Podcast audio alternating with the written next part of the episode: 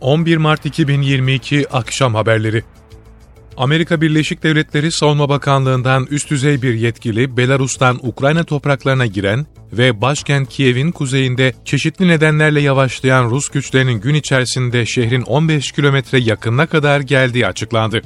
Bir grup gazeteciye Ukrayna-Rusya savaşına ilişkin değerlendirmelerde bulunan üst düzey Pentagon yetkilisi, Kiev'in kuzeydoğusundan yaklaşan Rus kuvvetlerinin ilerleyebildiklerini değerlendiriyoruz.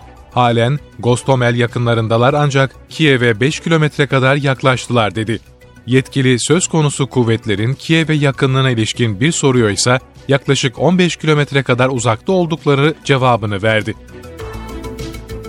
Antalya Diplomasi Forumu için Türkiye'ye gelen NATO Genel Sekreteri Jens Stoltenberg muhabirlerin sorularını cevapladı. Türkiye çok değerli bir müttefik. Türkiye, NATO'nun toplu savunmasına çok farklı şekillerde katkı sağlamaktadır diyen Stoltenberg, Rusya Devlet Başkanı Putin'e savaşı sonlandırması ve kuvvetlerini çekmesi, diplomatik çabalarla girişmesi çağrısında bulunuyoruz ifadelerini kullandı. Rusya Dışişleri Bakanı Sergey Lavrov ve Ukrayna Dışişleri Bakanı Dimitru Kuleba'nın dün Antalya Diplomatik Forumu kapsamında bir araya gelmesine atıfta bulunan Stoltenberg, Türkiye'yi de barışçıl bir çözüme gidebilecek diplomatik ve siyasi süreçleri kolaylaştırma çabaları nedeniyle takdirle karşılıyorum diye konuştu. Rusya Maliye Bakanı Anton Siluanov, Rusya'nın rezervlerine tekrar erişememesi halinde dış borçlarını rubleyle ödeyeceklerini söyledi. Silyanov, başkent Moskova'da gazetecilere yaptığı açıklamada Rusya'nın dış borcunu ödemesiyle ilgili sürecin yaptırımlar nedeniyle dondurulan rezervlerle bağlantılı olduğunu söyledi. Silyanov, Rusya'nın rezervlerine erişememesi halinde ise rubleyle ödeme yapacaklarına işaret ederek eğer dondurulan rezervlerimize erişimimiz tekrar sağlanmazsa dış borcumuzu rubleyle öderiz. Her koşulda borçlarımızı ödemeye niyetliyiz diye konuştu.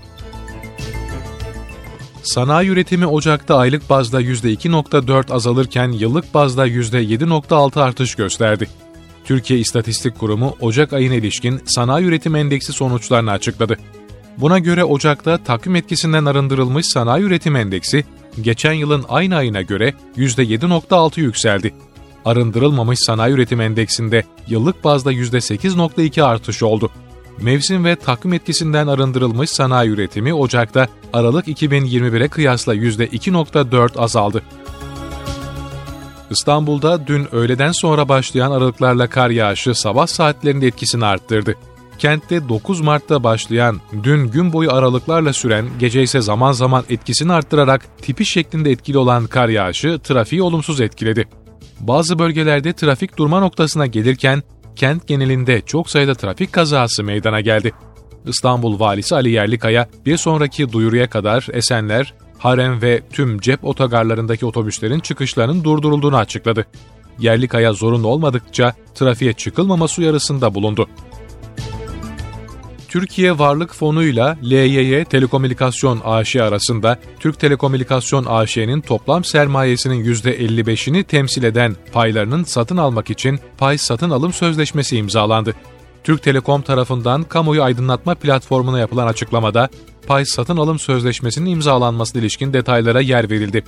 Açıklamaya göre Türkiye Varlık Fonu'nun Türkiye'deki stratejik sektörlere yatırım yapma misyonu doğrultusunda TVF ile LYY arasında Türk Telekom'un toplam sermayesinin %55'ini temsil eden paylarını satın almak için pay satın alım sözleşmesi imzalandı. İşleme konu paylar için satın alım bedeli ise 1 milyar 650 milyon dolar olarak belirlendi. Ankara merkezli 3 ilde Fethullahçı terör örgütüne yönelik düzenlenen operasyonda 14 şüpheli gözaltına alındı.